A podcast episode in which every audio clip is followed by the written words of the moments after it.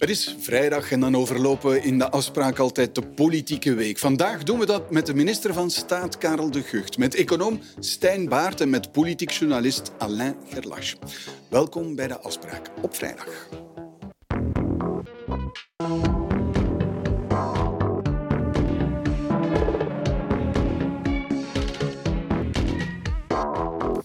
Goedenavond, Alain Gerlache, collega bij de RTBF. Um, België heeft een, uh, een astronaut opnieuw, hè, Dirk Vriemhout, Frank de Winne.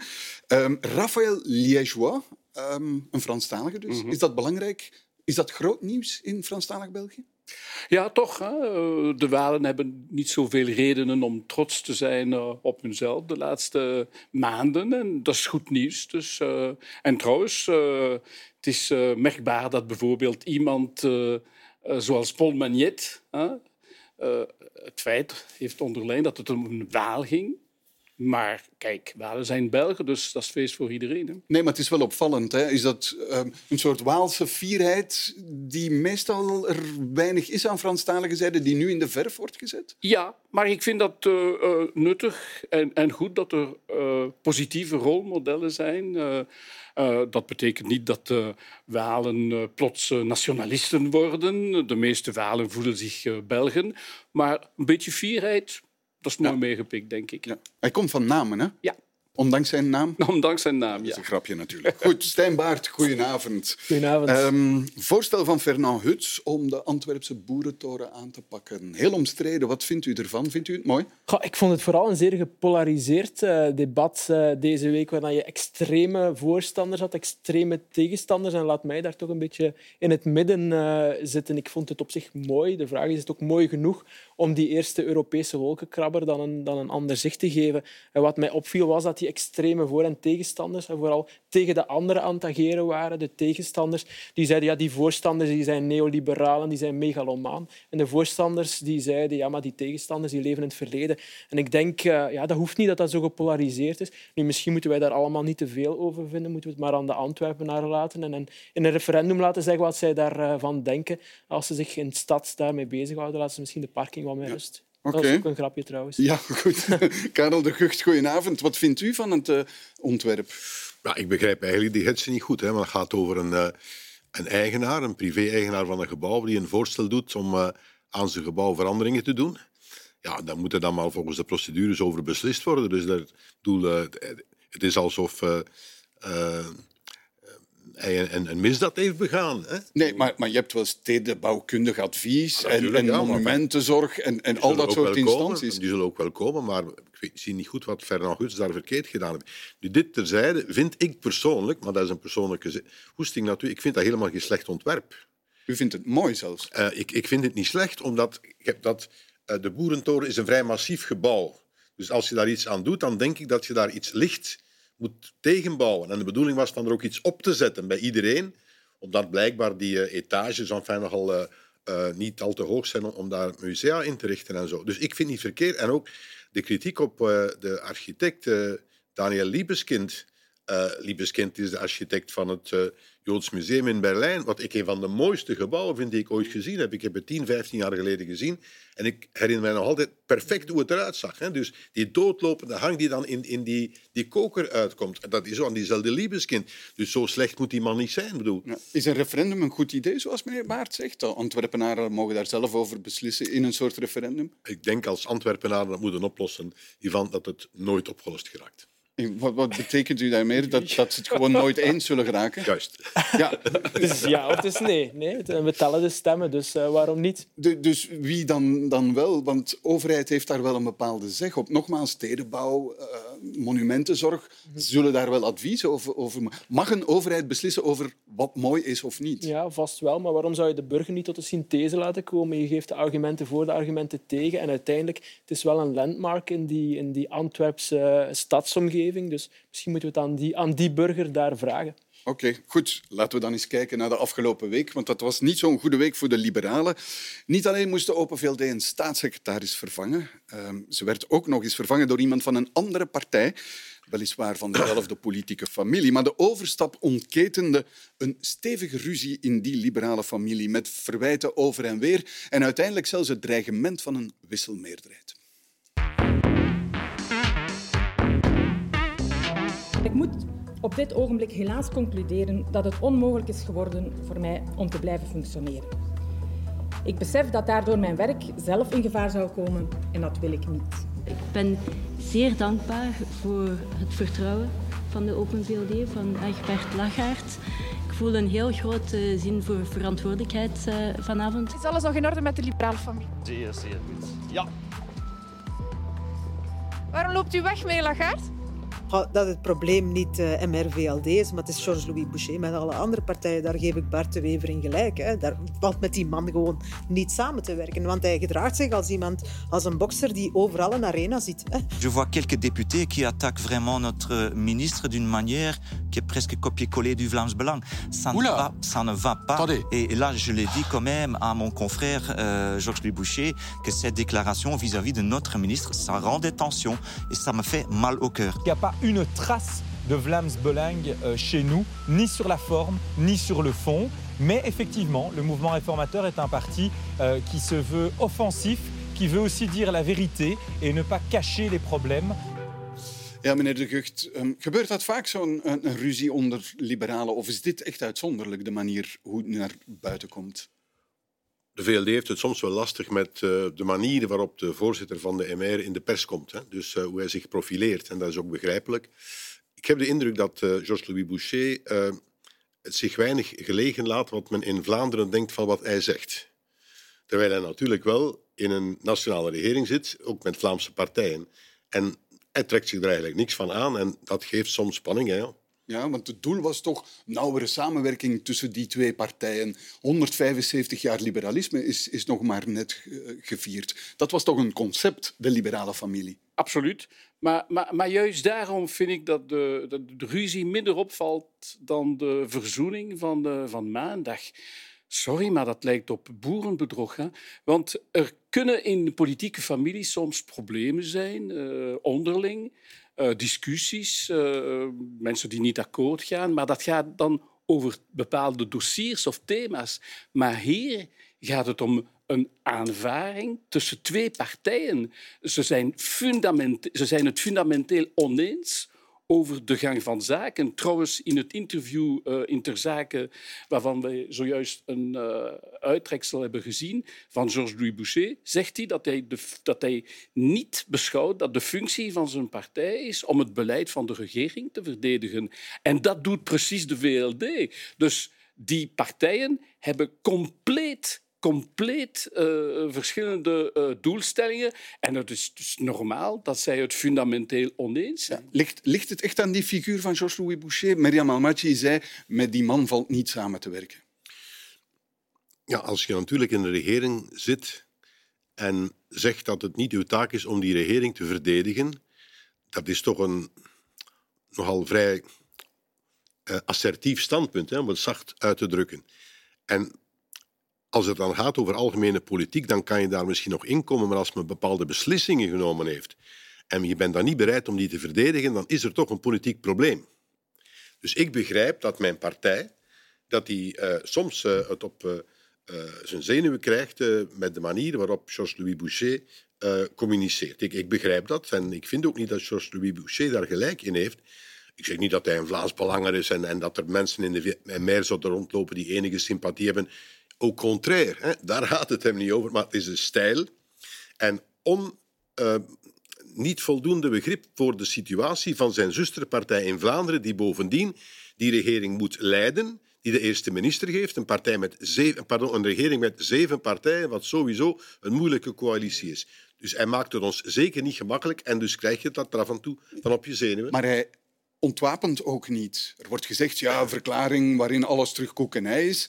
En een paar seconden later hoor je weer uitspraken uh, langs alle mogelijke kanten. Maar ik denk ook niet dat hij zal ontwapenen. Hij heeft een bepaald politiek discours dat hij zich uh, uh, ja, dat hij wil uitdragen. En, en, en dat inderdaad op een aantal punten uitgesproken liberaal is. Maar natuurlijk in een, in een regering waar je met zeven partijen zit, kan je niet altijd volledig die liberale standpunten doordrukken. En er is daar dus weinig solidariteit. Enfin, dat is dus, wat... Maar de VLD moet ondergaan of je, je, kan, je kan er toch niks anders dan... Ja, wat, wat moet je anders doen? Ja, je kan er ongelukkig over zijn, maar voor de rest kan je daar niet veel aan doen als die man niet van zin is van zijn standpunt te veranderen natuurlijk. Hè. Dat is evident. Nu, dit gezegd zijnde, uh, ik, ik vind ook niet dat we dat moeten uh, overdrijven. Hè. Ik denk dat ondertussen nogal wat mensen in Vlaanderen doorhebben dat uh, de manier waarop Georges-Louis Boucher communiceert nogal speciaal is. Hè. Dat, en als je daar natuurlijk constant een, een, een halszaak van maakt, dan, dan misschien wil je dat wel. Hè. Dus het is misschien makkelijker om te zeggen Oké, zeg, het is maar Georges-Louis Boucher, laat hem maar zeggen. Hè. Ja, hoe kijkt u naar die figuur? Ik, ik, vind het een gek beeld nu op zich. Misschien is het positief zeggen over de figuur Boucher. Ja, hij is wel een aanbodspoliticus. Hij komt eerst op het veld in heel veel thema's. Hij, hij zet de lijn uit en anderen moeten zich positioneren tegenover hen. Wat in het verleden de NVA, maar ook Guy Verhofstadt bijvoorbeeld, succesvol heeft gemaakt. Dus ik denk dat het een man is met veel kwaliteiten. Maar ik volg wel, ja, het beeld is niet goed. Het deed mij onwillekeurig denken aan uh, de, de, de tekenfilmfiguren Tom en Jerry, hè, Gebert Lachaert en, uh, en Boucher, waarbij dat je ze in de ene scène ziet achter elkaar zitten met een hamer en in de volgende scène knuffelen ze met elkaar en beloven ze om elkaar nooit meer te pesten. En dan in de volgende scène staan ze elkaar weer naar het leven. En ik denk, dat is, dat is niet goed voor het tekenfilmfiguren, oké, maar in het echte leven, in de politiek, ja, zorgt dat ervoor dat het vertrouwen in die politiek en in de liberalen in het bijzonder uh, alleen maar afkalft. Is de Vlaamse pers te mild voor hem? Uh, de Vlaamse pers is een beetje gefascineerd door uh, Georges-Louis Boucher, denk ik. Hè? Het is toch merkwaardig dat iemand uh, die niet de eerste, de voorzitter is van de, de, de, tweede grootste partij, niet de eerste, die geen Nederlands spreekt, toch vrij regelmatig aan bod komt in, in, in, de, in de Vlaamse pers. Maar het is ook eigen aan zijn stijl. Want ik denk niet dat Georges-Louis Boucher een uitzondering is. Ik denk dat hij uh, de, de voortouw heeft over een nieuwe stijl uh, van politieke communicatie en politieke cultuur. Um, onder invloed van de sociale media, ook onder invloed van Frankrijk. En het, hij heeft een presidentiële stijl. Niet in de, in de zin van partijvoorzitter, maar uh, van een kandidaat voor de Franse presidentsverkiezing. En daar uh, is vooral... Of een kandidaat de... als eerste minister. Ja, tuurlijk, dat is, dat is overduidelijk. Maar de manier waarop hij dat doet is nieuw, denk ik. Want um, hij gebruikt zijn, partij is een middel geworden, uh, een, een, instrument voor zijn persoonlijke ambitie. Nu, zijn ambitie, dat is totaal legitiem. Hè? Iemand uh, mag inderdaad premier willen worden van, van, van België. Maar de manier waarop hij dat doet, is natuurlijk nieuw. En hij houdt ook rekening met, met de situatie van de MR in Franstalig België. Om premier te worden uh, uh, moet hij uh, twee, rekening houden met twee voorwaarden. Ten eerste moet zijn partij de grootste worden in Franstalig België. En dat kan, dat zou kunnen. Het kan lukken voor hem dat inderdaad de MR, de Liberalen, de eerste partij uh, worden bij de volgende verkiezingen. En ten tweede moet hij ervoor zorgen dat uh, Open VLD niet meer in staat is om de premier te leveren. En dat hij het wordt als het een liberaal is. Dus het gaat opnieuw telkens ten koste van uw partij, uh, meneer De Gucht, als u de analyse maakt. Kan je dat blijven tolereren als zusterpartij dat iemand zich zo opstelt? Moet iemand als Bert Lachart niet nog forser tegen uh, hem in, ingaan? Ja, dat mag hij doen, dat is zijn keuze. Maar dat gaat uh, Georges-Louis Boucher volgens mij niet veranderen. Dus hij is zo. Dus heb je geen enkele mogelijkheid? Nee, en als iemand zo is, als je er niks kan aan veranderen, dan is het misschien nog best dat je daar niet te veel de nadruk op legt. En gewoon hem negeert? Ja, negeren. Een moeilijke voorzitter van de MR negeren, maar uh, ja, relativeren. Hè. Dat is misschien beter. Ja. Relativeren. En, en de, hoe, hoe, moet de eerste minister daar dan mee omgaan? Want het is niet alleen binnen de, de partij, maar het is ook telkens kritiek op de regering van binnenuit die regering. Het is een erosie eigenlijk ook van de macht van de eerste minister. Ik heb niet de indruk, eerlijk gezegd, dat dit de macht van de eerste minister vermindert. Ik, ik denk dat uh, Alexander de Croo gedragen is als eerste minister. Maar natuurlijk, het is een zeer moeilijke regering. In moeilijke omstandigheden, eerst COVID, nu heb je de energiecrisis, moeilijke uh, budgettaire situatie. Maar ik heb niet de indruk dat uh, de manier dat Georges-Louis Boucher optreedt, dat dit eigenlijk ja, de eerste minister in de schaduw stelt of, of aanvalt als, als persoon. Dat denk ik eerlijk gezegd niet. En trouwens, als eerste minister moet je je daarboven zetten. En dat is ook denk ik, wat eh, Alexander doet, hè, zich daarboven zetten. Het is veel gemakkelijker om je daarboven te zetten als eerste minister dan u daarboven te zetten als partijvoorzitter. Ja, daar ben ik toch niet volledig mee eens. In dat opzicht dat uh, het beeld dat nu geschapen wordt door die, door die ruzies, maar ook door bijvoorbeeld hetgeen dat meneer Medi gisteren deed door te zeggen van eigenlijk die regering, dat zijn mini-hervormingen en af en toe een gedrocht zit daartussen. Ja, dat schept wel het beeld van dat die regering een soort van strafkamp is, waar dat verschillende partijen tegen hun zinnen zitten. En dat straalt natuurlijk wel wat af op, uh, op de eerste minister, denk ik. Ook al omdat ja, voor zijn uh, partij, wat men voorlopig mee naar de kiezer kan, toch wel zeer, uh, zeer problematisch is. Je zit met de slechtste begroting van Europa. Men heeft lang gepleit voor een pensioenplan. Dat is dan eigenlijk eerder iets dat eerder de vergrijzingskost zal verslechteren dan verbeteren. werken is niet lonender geworden. Dus ja, je hebt enerzijds partijen die niet graag in deze regering zitten en de, de resultaten helpen ook niet om, om het bilan beter te maken. Nou, wat Alain zegt, hè, dat is het. Hè. Dus eigenlijk Medi die imiteert nu Georges-Louis Boucher. Dat is een nieuwe generatie. Dat is wat er gebeurt. Hè. Ja. Dus uh, omdat uh, man is nu voorzitter van de CDMV, heeft geprobeerd trouwens recent uh, een doorbraak te forceren in de Vlaamse regering, is daar terecht gewezen hè, door mevrouw Krevits, om zeer concreet te zijn. Maar hij wil ook op die manier communiceren. Nu, je moet eens goed inbeelden wat er nu eigenlijk gebeurt. Er zijn dus twee partijen die in de regering zitten en die zeggen we zouden moeten enorm sterk kunnen hervormen. En ook de CD&V zegt dat. Ik ben ervan overtuigd dat ook die eerste minister en onze partij, mijn partij, ook wil hervormen.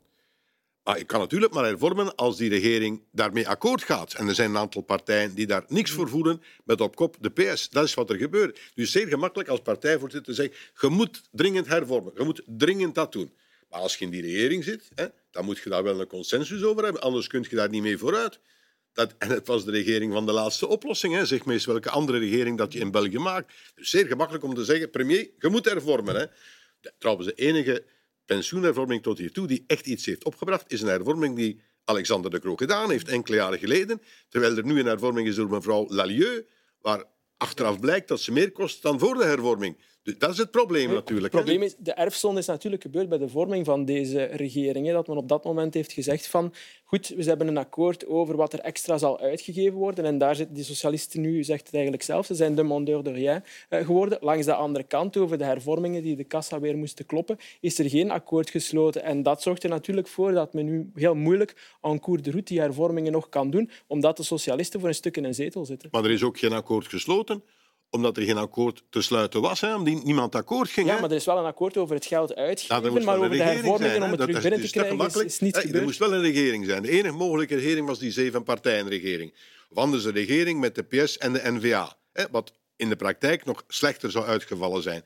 En dan proberen als eerste minister die, die, die regering recht te houden. Ik vind dat hij dat zeer goed doet. Maar je kan natuurlijk maar hervormen in de mate dat de andere partijen mee ja, willen maar er hadden al pad, contouren moeten in staan. De N-VA heeft op een bepaald moment tegen de Open VLD gezegd u kan met ons een regering vormen als u de MR laat vallen.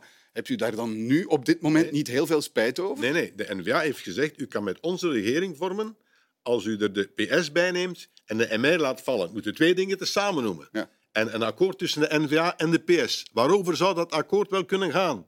Dat ging toch wel over het bijkomende financiële middelen voor Wallonië. Daarover ging dat toch. Waarover zou het anders gaan? Is er anders een plotseling grote affiniteit tussen de PS en de dus NVA? Geen spijt over de beslissing die toen genomen was de enige mogelijke beslissing. Maar ondermijnend voor Vivaldi. Je hebt bijvoorbeeld Marie-Christine Marquem, mm -hmm. die nu toch een wisselmeerderheid heeft uitgelokt. Of dat het nu spontaan of niet is, er is veel discussie hoe het in, in, in zijn werk is gegaan. Maar, maar ze is, is teruggefloten, ze is teruggefloten door, uh, door Georges-Louis Boucher. Ik denk dat zij een beetje solo slim... Niet, niet bedreigend voor uh, Vivaldi. Maar Toch wel. Is de, ik denk dat het een beetje solo slim is van haar. En ik denk dat zij probeert om haar... Uh, ministertermijn probeert te doen vergeten. En ik zal daar geen uh, oordeel over, uh, over vellen. Maar wat mij uh, bezorgd maakt, is niet het lot van, van de regeringen van Vivaldi maar de gevolgen over de manier, op de manier waarop uh, de mensen ons uh, democratisch systeem bekijken. En er is onlangs een, uh, groot, een groot onderzoek georganiseerd door La Libre en RTBF, Bye Bye la Democratie dat. Dat is een beetje in de stijl van de stemming aan de Vlaamse kant. En dan zie je allerlei interessante gegevens, soms verontrustende, zoals bijvoorbeeld het feit dat 40% van de mensen, van de Belgen, uh, denken dat uh, één leider het land beter zou besturen dan de huidige situatie. Eén leider, dat is niet noodzakelijk een dictator, maar iemand een, die een, een, sterke greep heeft op, op, de macht.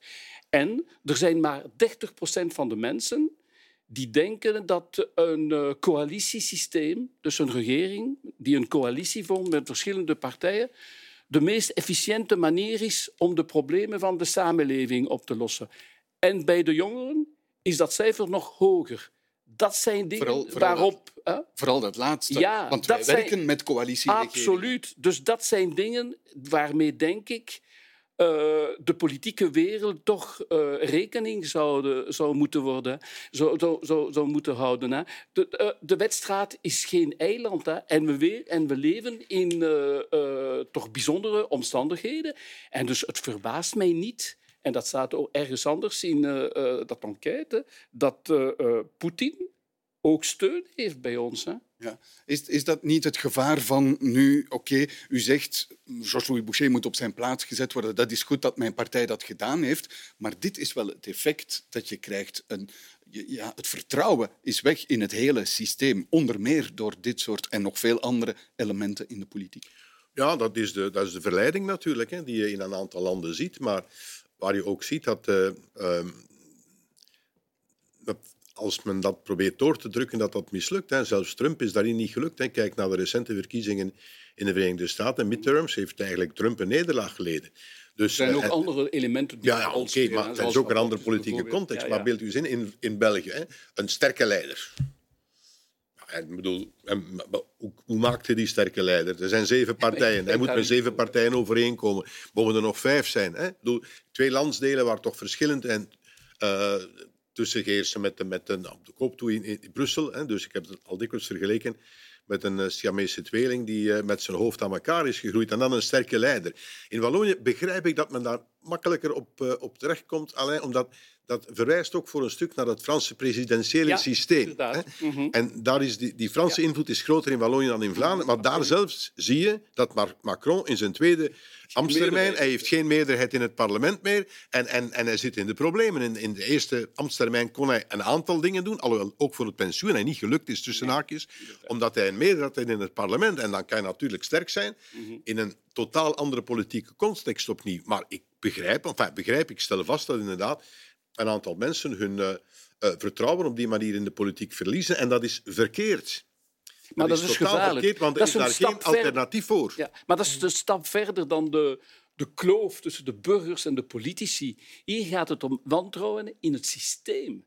En dus daar, dat, dat vind ik erger. Goed, laten we eens kijken naar de oorzaak eh, van eh, wat er gebeurd is tussen de liberale familie. Want die raakte verzuurd op het moment dat de Open VLD, Alexia Bertrand, de portefeuille van begroting aanbood. Bertrand is lid, of was lid van de MR, volgt dus Eva de Bleker op. Die struikelde over de gevolgen van de BTW-verlaging voor die begroting. En het maakte van de begroting voor het eerst sinds lang misschien een veelbesproken politiek thema opnieuw.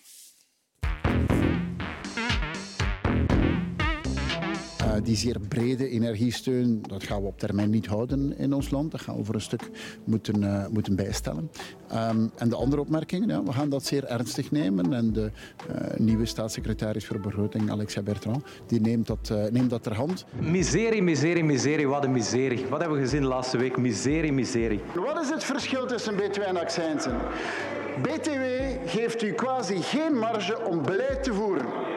BTW is voor iedereen 6% of voor iedereen 21%. Dat is de enige mogelijkheid die u geeft. En wat is het voordeel van dit naar accijnsen te brengen? Met accijnsen kan u beleid voeren op een moment van crisis. Over de BTW, want ik hoor daar heel veel vragen over. Heeft de commissie in haar advies vastgelegd dat de permanente BTW-verlaging op energie gekoppeld wordt aan een accijnshervorming, zoals de premier dat net heeft uitgelegd?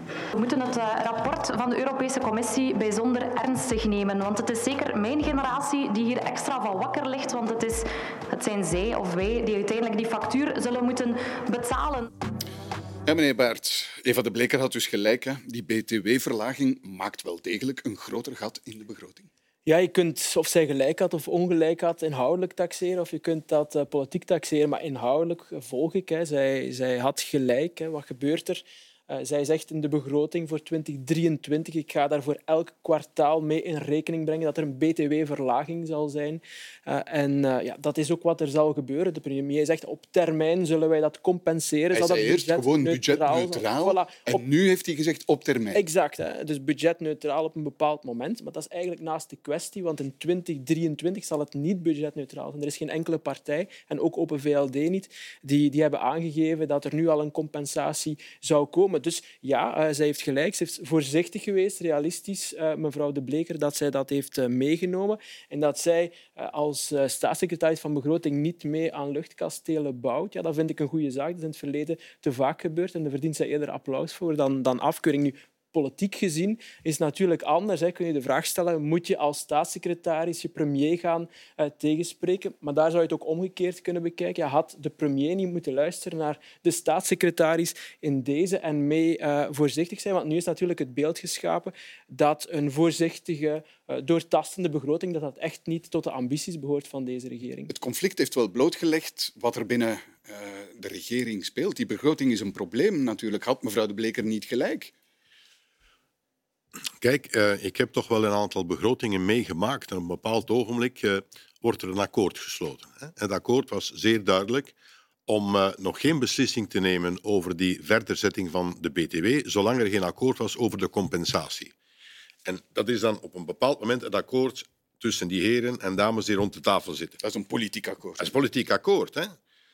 Ja, dan is normaal, vind ik, dat de staatssecretaris dat respecteert. Hè?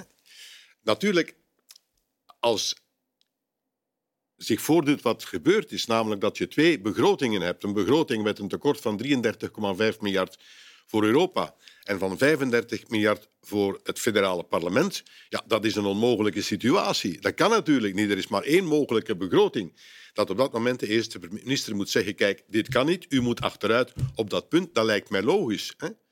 Dus het ontslag was logisch voor u? Ik denk dat dat logisch was. Hè? Ik bedoel, uh, waarmee ik mij niet uitspreek over de bedoelingen uh, van uh, Eva de Bleker en er ook geen kritiek op haar wil hebben. Maar je kan natuurlijk geen twee begrotingen hebben. Een verschillende tegenover Europa en een andere tegenover België. Enfin, dat is toch evident? Ja, is nu opgelost? Want we gaan nu accijnzen krijgen. Nee. Trouwens, wat is het verschil tussen ja. in dit geval uh, dat op te lossen met BTW of dat op te lossen, dat gat te dichten met accijns? Wel, het idee van een, van een BTW is dat je een belasting heft op elke euro die je betaalt aan, uh, aan energie. En in slechte tijden betekent dat hoge prijzen, dus extra veel BTW dat de gezinnen moeten betalen, dat bij de overheid terechtkomt. Bij een accijns betaal je de belasting op hoeveel je verbruikt, hoeveel uh, kilowattuur of wat dan ook. En dan volg ik de premier wel dat hij zegt, ja, daar kun je wel mee werken, want als je meer verbruikt, zou je kunnen zeggen, dan gaan we de accijnsen verhogen, niet op de eerste eerste uh, kilowatturen die je verbruikt, maar op de latere, zodanig dat mensen die veel energie uh, betalen wat bijgebruiken. Dus daar volg ik ook wat meneer uh, De Gucht zegt. Maar het probleem is natuurlijk in deze, ook wat we daar juist in het debat hebben gezien, eerst beslist men waar men gaat verlagen, waar men meer geld gaat uitgeven aan die btw-korting. En de beslissing hoe te compenseren, ja, die wordt dan niet op hetzelfde moment genomen. Dat is voor later. En dat brengt u natuurlijk in, in budgettaire problemen. In de begroting staat de verlaging van de BTW begroot voor het eerste kwartaal. Ja. Dat staat erin. Over de rest van het jaar is er nog geen politiek ja, akkoord. Maar men had die beter aan elkaar is, gekoppeld en het ene nog, en het andere nee, tegelijkertijd er is nog geen politiek uitgewerkt. Ja. Het standpunt van de premier is ik doe dat maar op het ogenblik dat er ook een akkoord is over de compensatie. Maar dat had meteen en, moeten gebeuren. En dat standpunt heeft het gehaald rond de tafel. En dan is het normaal, ja. vind ik, dat de premier zegt oké, okay, ik wil nu de begroting zoals ze beslist is, dat die zich in ten opzichte van mm-hmm. Europa en het moet dezelfde zijn ten opzichte van het Belgische parlement. Hij kan toch niet anders doen dan dat, hè? Nee, nee? ik volg politiek uw analyse, maar economisch zou je zeggen, op het moment dat je de verlaging beslist of dat je de mindere inkomsten van de BTW beslist, zou je meteen op dat moment ook al die accijns moeten uitgewerkt hebben, want anders geef je wel uit, maar zie je niet maar je dat kan je het compenseert. die accijns niet uitwerken met het huidige niveau. Wel met het huidige niveau van de energieprijzen kan je die accijns Men had daar een hypothetische prijs kunnen uh, instellen en men had kunnen zeggen later als de energieprijzen zoveel zijn gezakt, gaat het in werking. Dus dat is wat hij gezegd heeft. We gaan het doen op het moment dat we zitten op het niveau de, van de prijzen Ja, maar men had het al kunnen uitwerken. Dat is het hele punt. Okay. En dan ging het later in gang gaan. Meneer Geluijsman, dit is een discussie die aan Vlaamse zijde in de Vlaamse media wel eens vaker krijgt. Mm -hmm. Begroting is een thema in Vlaanderen, in Franstalig België niet. Ja, ik vind dat het een beetje karikaturaal is. Een cliché dat de Franstaligen uh, zomaar eh, de nationale begroting zouden beschouwen als een, eh, als een bankcontact. Het heeft natuurlijk ook te maken met het politiek gewicht van, link, van de linkerzijde aan de Franstalige zijde. Want traditioneel zijn inderdaad de rechtse partijen en, en, en zeker de liberalen meer bezocht om om eh, de begroting en de staatsfinanciën. Uh, en daarom is die zaak zo pijnlijk voor de liberalen, denk ik. Maar nu, uh, zomaar concluderen dat de Franstaligen um, niet, niet geïnteresseerd zijn in de, in de budgettaire oh, gang van zaken. Het dat cliché bovenaan. Dat, wordt, nee, meneer Matteau wordt geciteerd en die Absoluut. zegt begrotingstekort is vanzelf gekomen. Begrotingstekort zal ja, vanzelf dat is natuurlijk een historische verklaring. Maar, uh, maar voor de rest merk ik op dat uw partij een Franstalige heeft uh, moeten binnenhalen om de budgettaire problemen van België op te lossen. Dus de Franstaligen zijn toch niet zo slecht in deze materie. Ik heb hier nog geen slecht woord gezegd over Franstaligen. Hè? Trouwens, um, u zegt ja, een, Franstalige. U, u, weet dat de familie Bertrand dat is, en, en Akkermans, dat zijn Antwerpse families. Hè? Dus en zij is ook perfect uh, tweetalig. Maar zeg je, kijk, dit is een, uh, een Wallin, dat, dat klopt natuurlijk niet. Hè? Dus, Wa waarom grijpt Europa goeie... niet, niet sterker in? Ik dacht dat Europa ah, daar is een reden begrotingen voor. Ja. Nee, zou een, controleren. Nee, is, ja, maar daar is een reden voor. Omdat men gezegd heeft, we gaan in de nasleep van de covid- en de energiecrisis dit jaar toegeven. Er zijn wat betreft de begrotingen. En volgend jaar gaan we terug uh, naar de uh, orthodoxie. Hè. Dat is duidelijk door Europa gezegd en dat geldt niet alleen voor België, dat geldt eigenlijk voor de 27 lidstaten. Dus volgend jaar gaan we wel op het strafbankje... Ik denk als men volgend jaar met een dergelijke begroting naar voren komt, dat men met Europa serieuze problemen krijgt. Ja. Er is ook een, nieuw feit waar we mee geconfronteerd worden. Europa die kijkt naar de schuldgraad. Hoeveel is uw schuld in vergelijking met uw economie? En de afgelopen jaren hadden we eigenlijk geluk. Die economie die groeide snel en de rente die we moesten betalen op onze staatsschuld die was laag.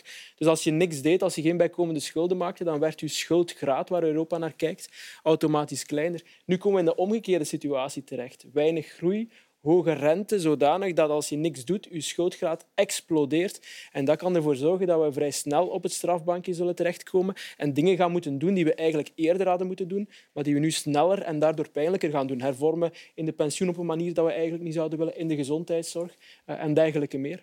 Wat gaat Europa doen? Wat kan Europa doen volgend jaar? Wat betekent dat wanneer we door Europa op de vingers worden getikt? Wat zijn de gevolgen? Europa kan, uh, kan verschillende dingen doen. Bijvoorbeeld uh, de steun die men heeft toegezegd, hè, die uh, in de nasleep van COVID. Ja, Europa, zou, steun. Europa zou kunnen zeggen, een stuk van die steun gaan we niet uitbetalen. Dat zegt ze op dit moment al. Dat zegt ze op dit moment, maar als ze dat ten opzichte van België doet, dan zal ze zeer veel steun moeten inhouden. Hè. Dat, in België gaat het over een aantal honderden miljoenen en in andere landen gaat het over tientallen miljarden. Uh, men kan ook uh, een, een, een, sanctie treffen tegenover een, een land. Hè. Men, kan een, men kan een boete opleggen. Hè. En, uh, in het verleden is dat trouwens al, al gebeurd. Hè. Dus Europa kan er wel degelijk in optreden, maar heeft gezegd, dit jaar gaan we dat met, met de zachte hand doen. Volgend jaar gaan we terugkijken uh, hoe het echt moet gebeuren, omdat wij in een moeilijke nasleep uh, zitten. Nu, tussen nu en volgend jaar die Belgische begroting veranderen, dat is natuurlijk geen eenvoudige zaak. Wat wil eigenlijk Europa? Europa wil bijvoorbeeld dat men op het vlak van de pensioenhervorming verdere stappen zet. Dat is een concrete vraag van Europa. Uh, ik kan u zeggen dat Alexander de Croo daar een groot voorstander van is. Mijn partij daar ook een groot voorstander van is. Maar ik kan u zeggen dat de PS daar falikant tegen is. Voilà, dat is het probleem in de regering. En zegt u mij eens uh, met uw grote kennis uh, hoe je dat dan oplost. Ja, meneer Galache wordt heel vaak naar de PS gekeken. Er is duidelijk een verschil tussen de linkerzijde en de rechterzijde van deze regering, maar dat is de opdracht van deze eerste minister. Die zeven partijen met die ideologische extremen met elkaar te gaan verzoenen. Absoluut. En, en ook het feit dat iedere partij nu iets iets wil voor zijn, uh, voor zijn eigen achterban en voor, zijn, voor, haar, voor haar achterban en voor haar kiezers. Maar het algemeen belang is niet de som van alle individuele belangen van, van, de, van de verschillende partijen. En dat is het, dat is het probleem, denk ik. Uh, en zeker met zeven, met een uh, zeer grote concurrentie, ook aan de linkerzijde, hè, want men wijst altijd naar de PS. Ja, maar de PS moet ook rekening houden PTB. met de PTB-PVDA. Dat is, dat, is een, dat is een gegeven feit. Ja, maar Melissa de Prater, u hebt ze daarnet ja. gehoord, fractieleider van Vooruit, zegt wel ik ben 30, dit gaat wegen op mijn gen volgende generatie, op onze generatie. Dat is iets wat je bij de PS nauwelijks hoort als standpunt. Dat is, dat is duidelijk. Hè? We hebben het over de verschillen tussen Open VLD en, en, en de MR. Ook ideologisch zijn vooruit en de PS uh, andere partijen aan het worden. Hè? Dus ze hebben, ook, ze hebben altijd uh, in het verleden hun eigen accenten gehad. Maar nu, je ziet wel dat de PS uh, de PTB, PVDA achterna loopt. En, en, vooruit wordt een wat, Scandinavische sociaal-democratische partij. Ja, dat zijn inderdaad. En, en daarom zijn de politieke families ja, een fictie. Hè? Ja, geworden, denk klopt de stelling van mevrouw De Prater? Het is de volgende generatie die het gelag betaalt? Of kunnen we dat eigenlijk blijven meeslepen zoals we het ja, strikt genomen al 50 jaar meeslepen? Dat is een beetje het verhaal van daarnet. Hè. Dus op zich een beetje schulden maken als je economie maar groeit, ja, dan verdampt die schuld in een steeds groter wordende economie. En nu ga je naar een, naar een andere situatie. Nu, principieel heeft zij natuurlijk wel gelijk dat je nu geld aan het uitgeven bent dat je eigenlijk niet hebt, jaar na jaar. En dat je op die manier wel het, het geld van de toekomst ook voor een stuk aan het, aan het uitgeven bent. En dan is onze situatie toch echt wel problematisch. We hebben nu het grootste begrotingstekort. En daar komt bij, en dat is deze week weinig onderstreept, maar dat is belangrijk, dat ons tekort altijd maar groter wordt. Hè. En dat andere landen die een groot tekort hebben, dat die dat aan het verkleinen uh, zijn. Dus je zit op allerlei manieren met ja, een schuld, een begrotingssituatie die niet onder controle is en die een probleem is voor de volgende generaties, maar eigenlijk ook voor deze generatie. Want zoals er juist uh, uitgelegd door meneer De Gucht, ja, Europa zal dit ook niet blijven aanvaarden, deze. Als je naar die begroting kijkt, moet je natuurlijk een onderscheid maken tussen structurele uitgaven en uitgaven die verband houden met COVID en met de energiecrisis. Exact. En als je dus die begroting naar volgend jaar wil verbeteren, wat zal moeten, dan moet je kijken naar die tijdsgerelateerde uitgaven. Daar zal je iets moeten aan doen. Het is evident dat je geen eindeloze steun kunt blijven geven voor energie of wat dan ook. Dat kan je dus niet. Hè? Uh, een ander punt waar u misschien iets minder de nadruk op legt, is uh, de inflatie heeft ook als effect dat de schuld vermindert. Hè? Ja. Mm -hmm. Dus nu is het natuurlijk uitgesproken met een inflatie van meer dan 10 Mhm. procent. Mm. Maar als je een aantal jaren aan elkaar een inflatie hebt van 5, 6 procent, wat we jaren gekend hebben, hè, wat geen uitzonderlijke situatie is, dan smelt die schuld natuurlijk Mhm. ook voor een stuk weg. Hè. Dus zo, uh, zo Ja. onmogelijk is het niet, maar er is wel een politieke blokkage dat je absoluut iets zou moeten doen wel- uh, aan, aan, aan de pensioenen met een steeds groter Mhm. aantal gepensioneerden en dat er niet de politieke wil is bij een aantal partijen om dat effectief ook te doen. akkoord. Ja. Er zijn natuurlijk wel twee problemen met die, met die inflatie. En ik volg het verhaal dat u vertelt. Maar ondanks die inflatie is het zo dat wij als enige land volgend jaar binnen Europa onze schuldgraad gaan zien toenemen. Hè, van eh, 105 procent van het bbp naar 108 procent. Dus eigenlijk met Maar alleen door die tijdsgerelateerde uitgaven. ja, maar er zitten ook structurele dingen in die men zegt van we doen het voor de crisis, bijvoorbeeld investeringen in zorg. En ik ben allemaal mee dat het, dat het kan. Maar dat is natuurlijk iets dat men eh, ja, wegens een tijdelijke oorzaak wel doet, dat, eh, dat structureel is. Dus, dus dat is voor een stuk eh, wel, een, wel een probleem dat, dat voorbij dat, dat tijdelijke eh, gaat en dat die inflatie niet wordt gebruikt. Tweede ding, door die hoge inflatie trekt men wel de rente op. En die rente is natuurlijk voor onze staatsschuld geen goede zaak. Oké, goed. Laten we dan eens kijken naar eh, nog een onderwerp van deze week. De al dan niet kritische houding in verband met de mensenrechten tegenover dat gastland van de wereldbeker Qatar. En dat blijft voor beroering zorgen. Europese voetballanden wilden een signaal geven door met een eh, regenboogarmband te spelen. Werd verboden door de FIFA, waarop verschillende politici die armband gewoon zelf zijn beginnen dragen. Dat is helemaal niet fijn. Wij, wij, wij worden gecontroleerd. En ik ben niemand van de, van de grote politieke uitspraken, maar ik zeg dat ik, dat ik gewoon al bang ben om er überhaupt iets over te zeggen. Ik vind dat voetballers vooral moeten voetballen. We moeten proberen zoveel mogelijk potten te eh, scoren en zien dat de Rode Duivels winnen. Dat vind ik vooral. Ja. Maar wat is het probleem daar? En dat vind ik zelf een beetje... Daar heb ik het lastig mee. Ze zijn zelf ook begonnen met aan politiek te doen. Ze hebben geknield, die linkervuist omhoog, Black Lives Matter. Puisque ces règles ne valent pas du tout dans les gradins, j'ai enlevé ma veste et j'ai présenté mon euh, brassard One Love. Voilà, et je pense que c'était un geste euh, symboliquement fort euh, qu'il fallait que la Belgique euh, porte. I think for what we Europeans have been doing in the last 3,000 years around the world, we should be apologizing for the next 3,000 years before starting to give moral lessons. Van de FIFA, Infantino, was dat. Wat vindt u, meneer Gerlache, van het gebaar van onze minister van Buitenlandse Zaken, Hadja Labib, tegenover de FIFA-baas? Ja, ik, ik, vind, ik vind goed dat ze dat, ze dat deelt.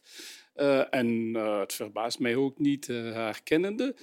Maar toch heb ik mijn bedenkingen over die hele affaire. Nu, als homo zou ik zeker niet in Qatar willen leven. Hè? Dat, is, dat is duidelijk.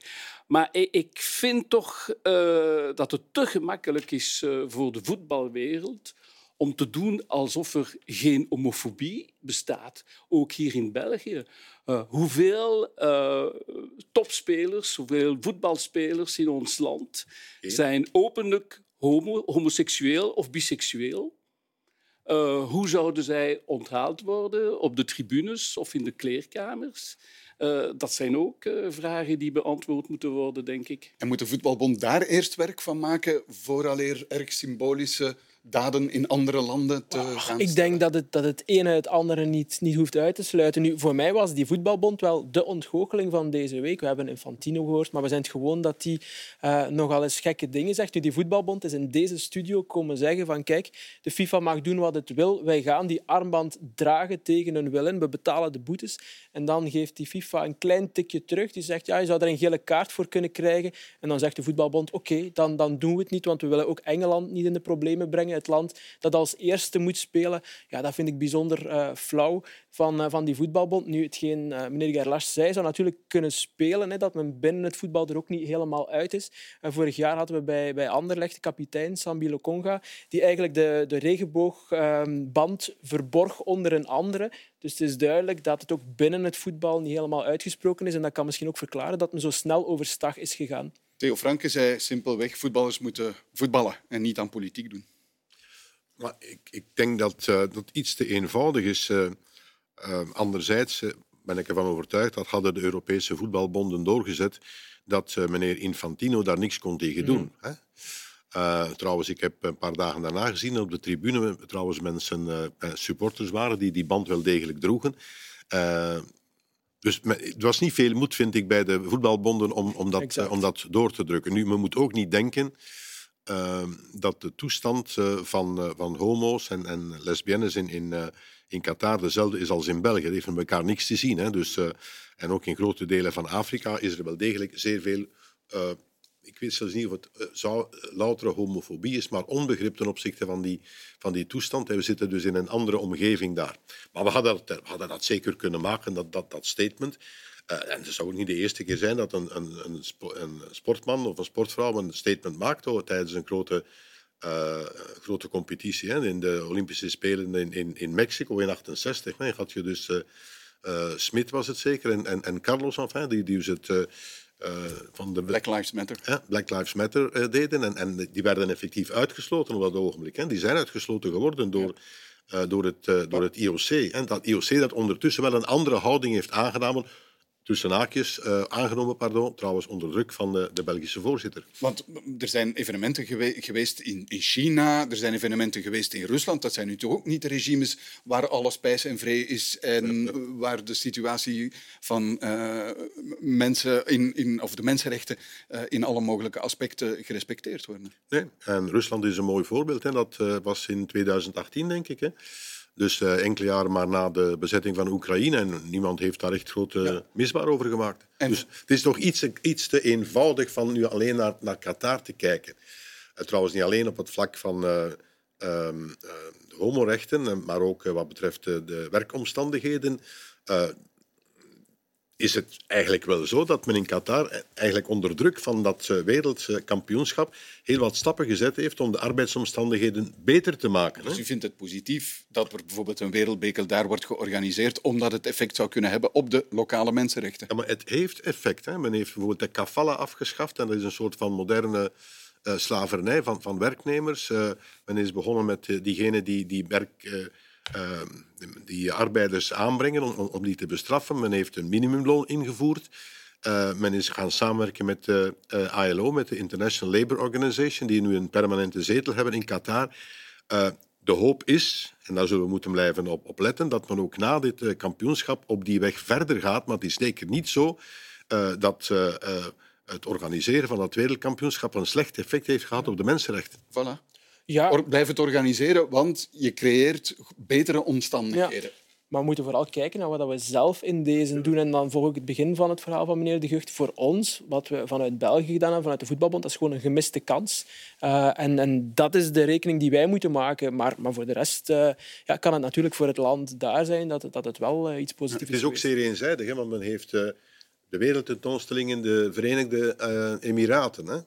Eh, daar is zeer weinig commentaar over geweest. De toestand in de Verenigde eh, Emiraten is slechter dan in Qatar. Qatar is eh, een, een, een buitenbeentje in, in, in de Arabische wereld, tussen haakjes. Hè. Je hebt daar ook Al Jazeera, hè, die toch de meest open ja, eh, nieuwsgaring is zeg maar, in, in die omgeving. Dus het is niet eenvoudig. En ik denk dat je op eerder zoals nu gebeurd is, op een positieve manier moet proberen druk uit te oefenen om bijvoorbeeld de arbeidsomstandigheden eh, te verbeteren. En dat is voor een stuk gelukt. Ja. Eh, meneer Van- Infantino zei ook iets, iets in mijn ogen merkwaardig. eh, namelijk, eh, we hebben de voorbije 3000 jaar zoveel fouten gemaakt, wij, de westerse wereld, dat we ons de volgende 3000 jaar mogen verontschuldigen. Akkoord? Eh, ik denk dat eh, zo'n verklaring eh, min of meer eh, op hetzelfde neerkomt als de verklaring van Guimato over de staatsschuld. Ja, niet gewoon negeren. Het zal misschien in de, historie, in de geschiedenis eh, gaan, maar eh, inhoudelijk eh, is dat eh, weinig relevant. En ik citeer meneer De Gucht van daarnet, laat ons zo'n figuur vooral negeren of relativeren. Ja, zegt u dat ook, wat meneer Infantino zegt? Laten we het gewoon passeren. Maar ik had de indruk dat toen degene die sprak meneer Infantilo was.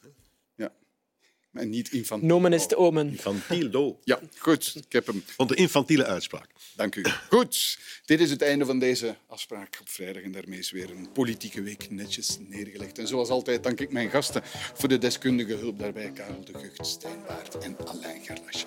En u, dames en heren, dank dat u erbij was. Tot volgende week.